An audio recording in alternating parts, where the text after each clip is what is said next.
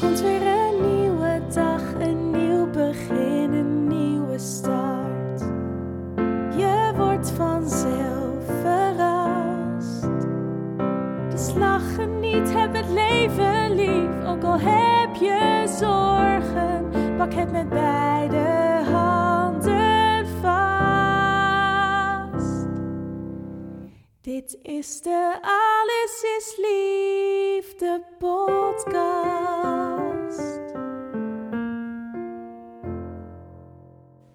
Hi lieve mensen, superleuk dat je luistert naar mijn podcast. Mijn naam is Rianne Roes, liefdesdeskundige, gedragswetenschappen en auteur van het boek Raak elkaar niet kwijt. Wil je meer over mij weten? Ga dan naar mijn website www.samenalleen.com. In deze podcast neem ik je mee in mijn proces om het leven te creëren zoals het voor mij bedoeld is. Ik wens je heel veel inspiratie en luisterplezier. Lieve mensen, welkom bij weer een nieuwe aflevering van de podcast Alles is Liefde. Hopelijk komt hij nog het laatste weekend van de maand online, zoals altijd. Maar het gaat een beetje kort dag worden. Ik wil jullie graag een vraagstuk voorleggen of een dilemma voorleggen waar ik zelf enorm mee worstel. En dat is ehm, het dilemma over wat ik vind en wat mijn positie is van alles wat er op dit moment gaande is in de wereld, in Nederland, in de politiek, ehm, op social media. Ik kan er inmiddels echt geen touw meer aan vastknopen. Want ehm, ik heb het gevoel dat, er, dat de hele wereld, zo voelt het dan, het zal ongetwijfeld ook meer, genuanceerd zijn dan hoe ik het nu stel, opgedeeld is in twee, in twee groepen. En de ene groep uh, is eigenlijk de groep die heel erg volgt wat het nieuws zegt, wat de NOS vertelt, wat de overheid vertelt, uh, wat mediakanalen van de overheid ons vertellen. En de andere kant is een groep mensen die heel erg probeert de andere groep wakker te schudden. Die uh, ons waarschuwt voor nou ja, wat allemaal voor politieke agenda's uitgerold worden, waar wij eigenlijk allemaal helemaal geen weet van hebben. Die het hebben over ontvoerde kinderen, misbruikte kinderen, over pedofiele kringen waar uh, echt verschrikkelijke dingen gebeuren. Um, die ook aangeven dat, dat het hele lentekriebelverhaal van afgelopen week een onderdeel is van die agenda. En um, ik raak ervan in de war. Ik weet gewoon niet meer wat ik moet geloven. Inmiddels zijn er heel veel dingen die ik niet meer geloof. Zoals, um, nou ja, ik weet niet of ik je vrienden meer maak of niet, maar het hele COVID-gebeuren en alles wat daar wereldwijd speelt en gespeeld heeft, heeft me eigenlijk vanaf dag één al laten twijfelen. Ik had vanaf dag één een onderbuikgevoel. Hier klopt iets niet. En um, ik merkte in corona zelf, in die hele tijd en alle maatregelen die er waren. Sowieso stond mijn hele leven op zijn kop. Dus ik had ook eigenlijk wel wat beters te doen dan me daar heel erg druk over maken. Ik ben in de ruimte die ik voelde, en dat was echt best een hele grote ruimte, mijn eigen leven gaan creëren. Ik ben rustig gebleven. Ik heb eigenlijk een hele fijne tijd gehad. Um, ik heb me niet laten dwingen uh, dingen te doen die ik niet wilde doen. Zo, uh, zo heb ik eigenlijk op die manier me heel goed staande gehouden. En uh, heb ik me ook heel erg beseft. En zoals ik het zie, heeft het mijn ogen geopend.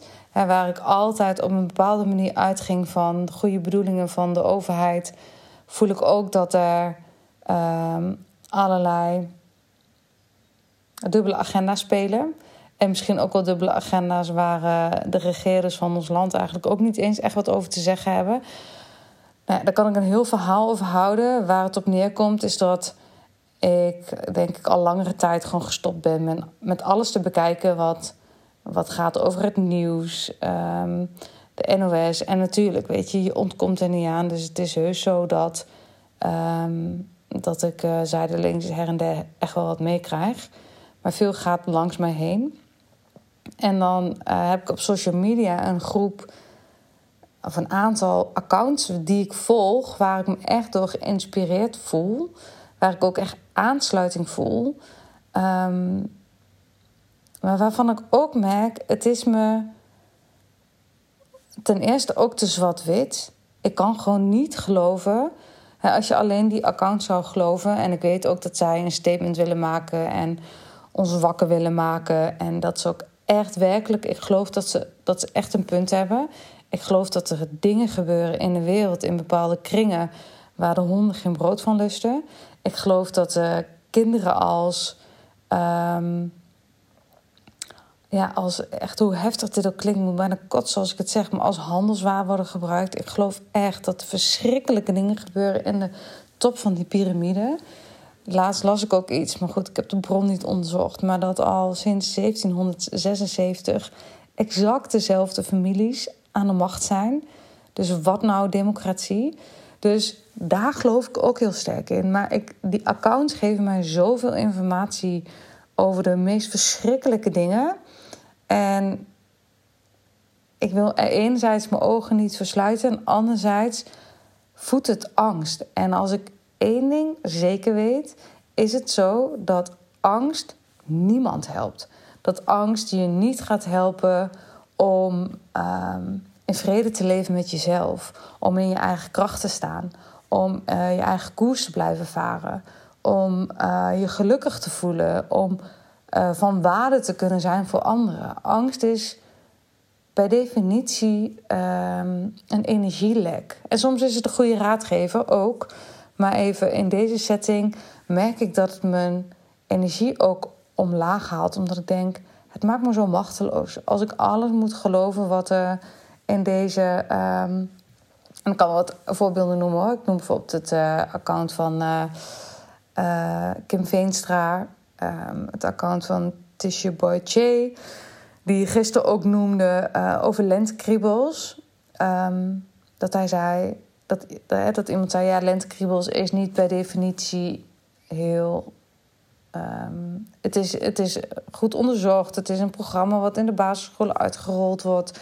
En hoe weet je zo zeker dat het uh, uit die dubbele agenda vanuit weet ik veel wat voor systeem komt?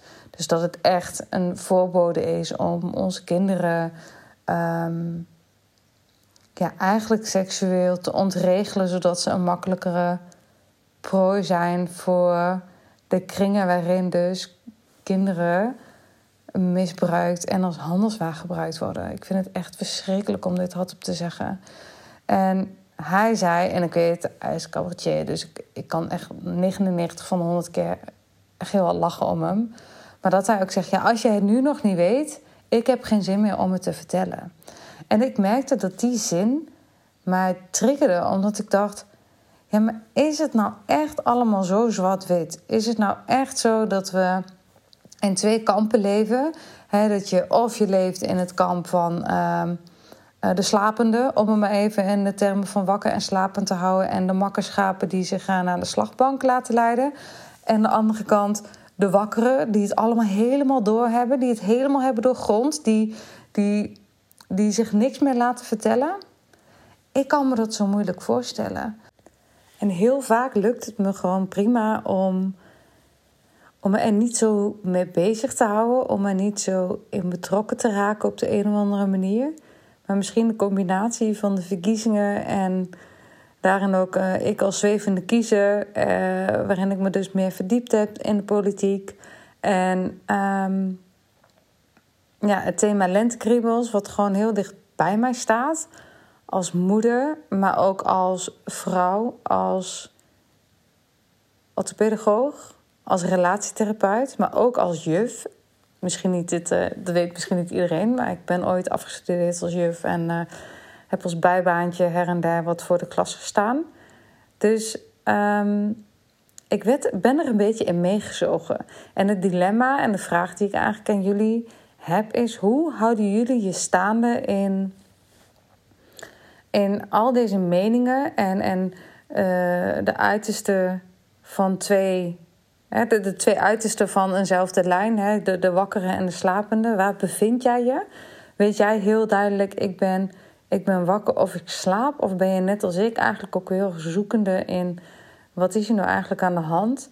En belangrijker nog, hoe houd je je staande? Hoe blijf je in je eigen energie en kun je tegelijkertijd ook ehm, je eigen leven vormgeven, maar ook van waarde kunnen zijn van anderen? Ik heb bijvoorbeeld ook een tijd lang, of misschien nog steeds wel, het account Free a Girl uh, gevolgd. Die daadwerkelijk dus ook kinderen, vrouwen, meisjes ehm, ja, uit de handen van sekshandelaren bevrijden. Dus enerzijds voel ik een affiniteit en voel ik ook een. Affiniteit is wel echt een uh, raar woord in deze context, uh, bedenk ik me nu. Maar um, ja, ik voel dat ik wel zie dat, dat dit gebeurt. En tegelijkertijd kan ik er zo weinig aan doen. Behalve het onderkennen en, en dat ik denk, oh weet je, als ik ooit iets van een, een, een liefdadigheid ga doen, dan is een Free Girl een organisatie die ik zeker uh, in gedachten zal houden. En dus het is niet verkeerd om op de hoogte te zijn van wat er zich buiten de kokon van je, eh, nou ja, in mijn geval eh, westerse samenleving, in mijn huisje, appartementje, waarin ik eigenlijk niks te klagen heb. En ook al klagen we allemaal, maar waarin ik me goed voel, me veilig voel, ehm, waarin het eigenlijk heel goed met me gaat. In vergelijking met de situaties en de, en de casussen die je hoort vanuit bijvoorbeeld Free Girl. Dus ja, ik wil zeker mijn ogen openen en ik wil zeker wakker zijn en ik wil zeker bijdragen.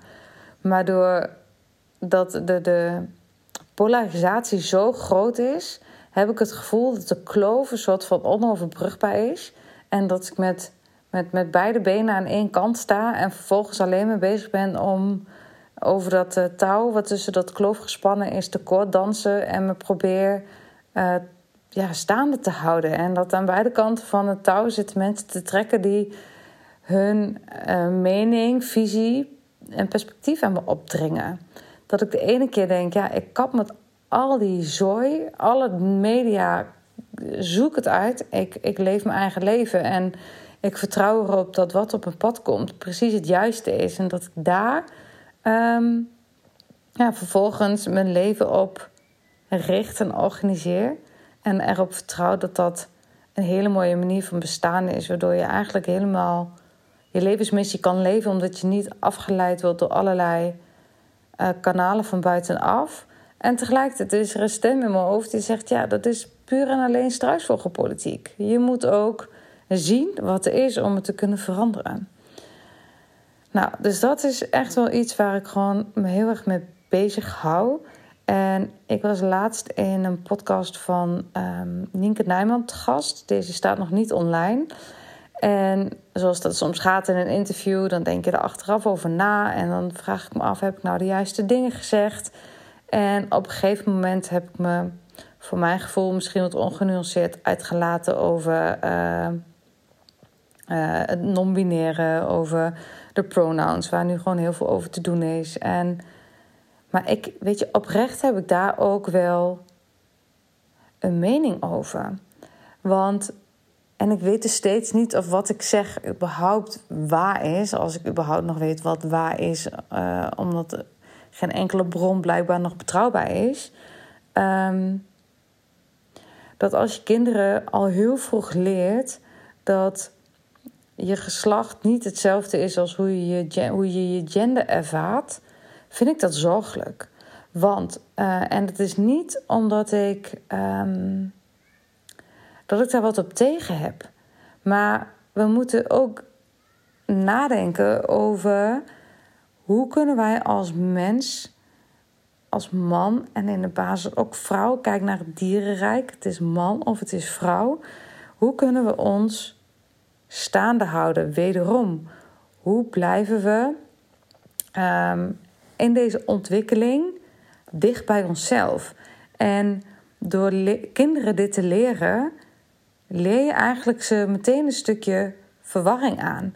Dus het voelt voor mij veel meer als, en daar moet ik echt um, Kim Veenstra, Isa Kriens, eigenlijk iedereen die daar zich over uitlaat, ik moet ze daar gelijk in geven. Want het zorgt voor ontregeling in onze ontwikkeling als mens. En ik las gisteren ook zo'n mooie quote dat kinderen zijn al tolerant. Kinderen hoef je niet te leren tolerant te zijn. Die, die nemen en aanvaarden het zoals het is. En het zijn vaak veel meer de volwassenen die er iets van vinden. Of het zijn veel meer de volwassenen die de spanning opleggen. Of die er een oordeel over hebben. Of die in impliciete of expliciete manier van doen en spreken uh, de kinderen een, um, een denkkader opleggen. Los nog van alle, alle beeldvorming die we rondom, rondom ons heen zien.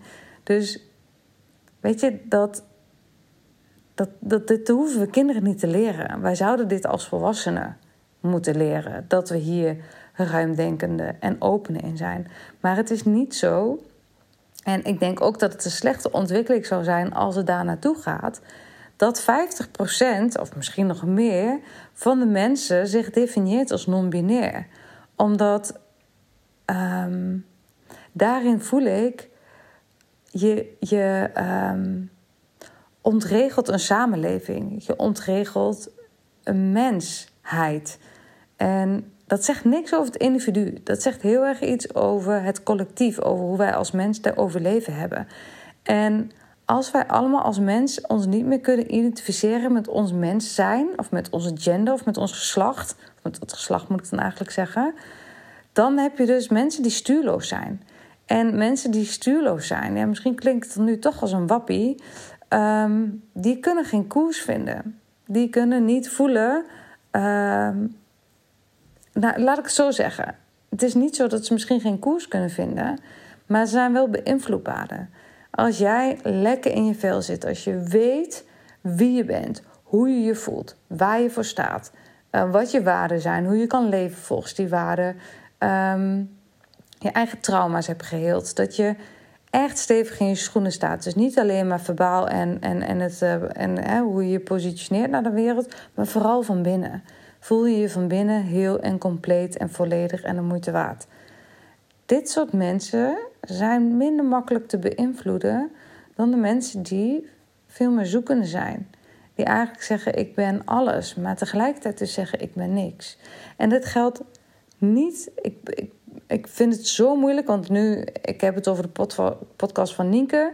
En ik probeer eigenlijk nu iets verder toe te lichten, waarin ik het gevoel heb dat ik eigenlijk mezelf nog veel dieper de nesten in werk door al dit soort dingen te zeggen.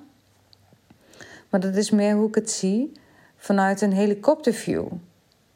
En ik zie het niet dat, want ik denk dat er geen um, non-binair, uh, geen transgender persoon bestaat die niet worstelt met zichzelf. En daar gaat het mij over. Dat we niet per definitie kinderen het idee moeten geven dat ook hier allerlei keuzes in te maken zijn, omdat voor heel veel kinderen het, een, um, het is zoals het is. En als dit leidt tot, tot, tot daadwerkelijke vraagstukken, daadwerkelijke uh, um, persoonlijkheidsproblemen, ja, dan is er alle hulp nodig en is er alle. Uh, uh, hulp, maar ook tolerantie, begrip, erkenning nodig voor de positie van deze persoon. Um, maar niet per definitie moet dit uh, de boodschap zijn aan onze kinderen. Want dat gaat ons weer vanuit die helikopterview als samenleving niet sterker maken. Ik vind het zelfs zorgelijk dat, um, ja, dat het percentage zo lijkt toe te nemen, omdat ik. Ik denk dat daarmee ook de problemen van mensen toenemen. En dat is niet wat ik ons, ons als mensheid gun, maar ook niet wat ik iemand als individueel persoon gun.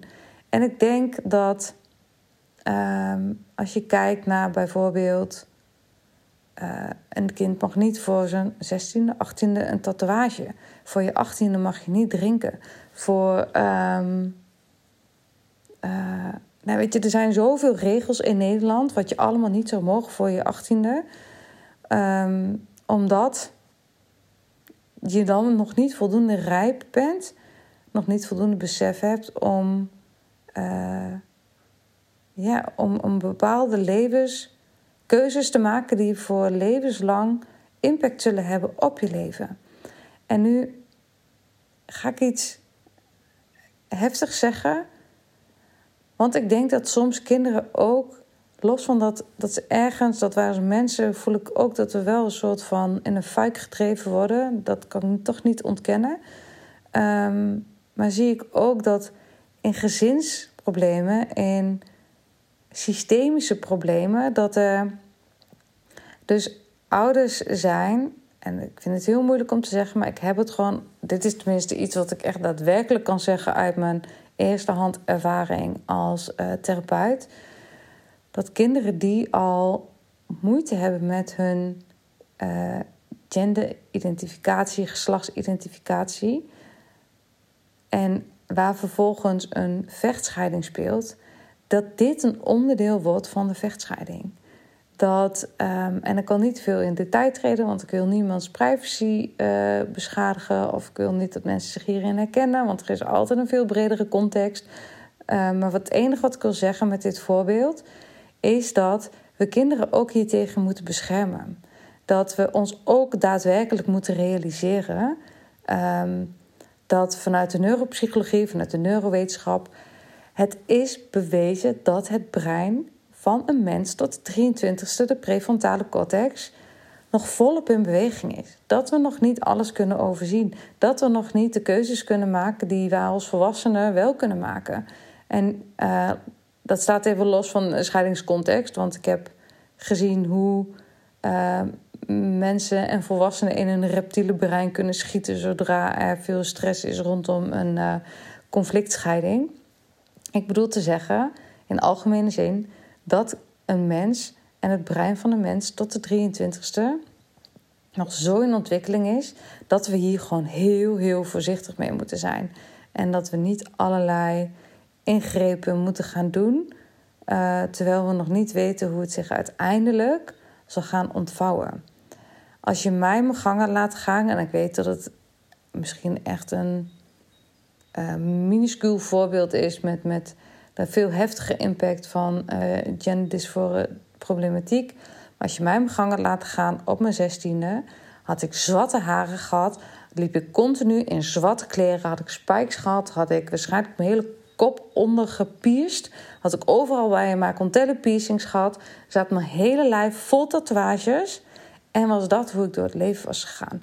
En dan kan je vertellen, met wie ik nu ben, had ik daar loei veel spijt van gehad. Omdat ik gewoon toen niet kon overzien dat dat wat ik toen wilde niet iets was wat ik voor altijd wilde.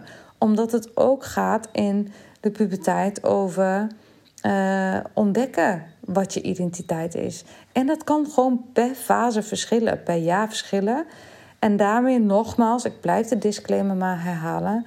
Er is zeker 1% van uh, um, 1, 2, 3 procent, ik weet het niet precies, van de bevolking heeft daadwerkelijk met dit soort problematiek te maken. Maar dat zijn de uitzonderingen. En dat betekent niet dat we niet tolerant en liefdevol en respectvol en uh, erkennend moeten zijn naar deze uitzonderingen. Maar we moeten er geen regel van maken. Dat is zoals ik het zie.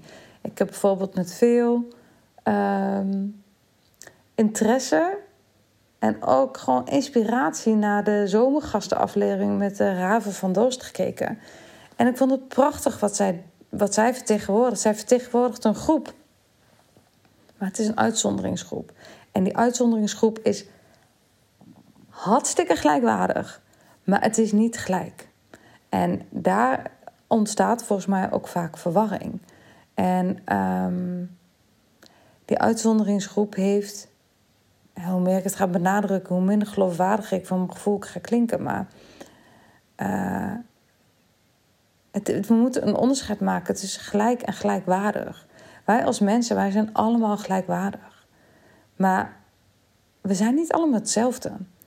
En we moeten ervoor waken, denk ik, dat we naar een soort van maatschappij gaan waarin we vinden dat we allemaal hetzelfde moeten zijn, want dan is het gelijkwaardig. Dat is volgens mij een denkfout. En of dat nou een politieke agenda is die uitgerold wordt om, uh, om ons soort van te, te blind, blindfolden en, en een richting op te duwen, zodat we nog minder zelf kunnen bepalen. Want als het dan nu toch een soort van politieke podcast wordt, heb ik ook wel zeer sterk het gevoel dat alles wat gedigitaliseerd wordt, dat je binnenkort je. Ehm, uh, dat, je, dat ze van het contant geld af willen. Dat ze elke transactie willen gaan volgen. Dat je elke transactie sterker nog moet kunnen gaan verantwoorden. Ja, ik vind dat niet oké. Ik heb niks te verbergen, maar dit gaat niet over iets te verbergen hebben of niet. Dit gaat over privacy, dit gaat over zelfbeschikking, dit gaat over het feit dat we verantwoording moeten afleggen aan wat. En dan gaan we dus scheef in gelijk en gelijkwaardigheid. Want dan betekent het dus dat we uh, niet meer gelijk zijn en niet meer gelijkwaardig zijn. En daar gaat denk ik het hele vraagstuk over. Want het niet meer gelijkwaardig zijn maakt dat we ondergeschikt raken aan een systeem. En dat zijn we denk ik ergens al. Dus al pratende denk ik dat ik mijn eigen vrijheid probeer te behouden door binnen dat systeem, wat er dan toch maar is, wat ook zeker zijn goede kant heeft, want we kunnen wel doen alsof het allemaal slecht is, maar dat is gewoon niet zo. Er zitten hele mooie en hele goede dingen in, zoals wij de, de, de, de zorgstaat of verzorgingsstaat, hoe je het ook precies, geregeld hebben in, hier in Nederland. Maar dat betekent niet dat we niet kritisch mogen blijven in hoe we ons eigen leven willen leiden, welke vrijheid we ons willen permitteren en um, dat we kritisch mogen zijn naar welke, um, nou ja, toch weer terug naar lentekriebels. Hoe, hoe gaan scholen om met, um, ja, met onze kinderen? Met jouw kind, met mijn kind. Wat wordt ze geleerd en op welke manier? Wat wordt ze aangeboden om daarbij betrokken te zijn en daar vragen over te stellen? Het is niet zo dat als je aan de ene, ene, kant geholpen wordt in het vangnet wat, uh, wat we in Nederland hebben, dat je aan de andere kant dus niet meer kritisch mag zijn of je mond mag open te trekken. En dat is denk ik het, het midden waarin ik me bevind. En ook al schuif ik misschien iets meer door naar de wappiekant, daar voel ik mij goed bij. Maar ik heb, um, ik, ik, heb, ik heb dat voor mezelf wel helder. Maar door alle media polarisatie en de ene uiterste en de andere uiterste en berichten die ik ontving op, uh, op de privéchat. Van ja, maar heb je dit wel goed? Want ik heb weer deze bronnen. Dat ik dacht, wow, ik word helemaal gek in mijn hoofd, want ik weet het gewoon niet. Ik kan niks bewijzen, ik weet niks zeker. Het enige wat ik zeker weet is dat ik zelf verantwoordelijk ben voor hoe ik me voel, hoe ik me staande hou in het leven en hoe ik mijn, uh, mijn leven wil gaan inrichten en vormgeven en op welke manier ik van waarde wil zijn. En dat betekent ook dat ik me mag uitspreken, ook als dat betekent dat er misschien mensen zijn die het niet eens zijn met hoe ik de dingen zie. En dat betekent niet dat ik iemand niet mag, maar dat betekent dat ik in dat midden een gesprek wil. Ik wil niet iemand mijn mening opdringen. Ik wil een gesprek. Ik wil horen hoe jij het ziet. Ik wil delen hoe ik het zie. Zonder uh, daarvan allerlei conclusies aan te verbinden. En Tegenwoordig is het dus blijkbaar heel snel een conclusie.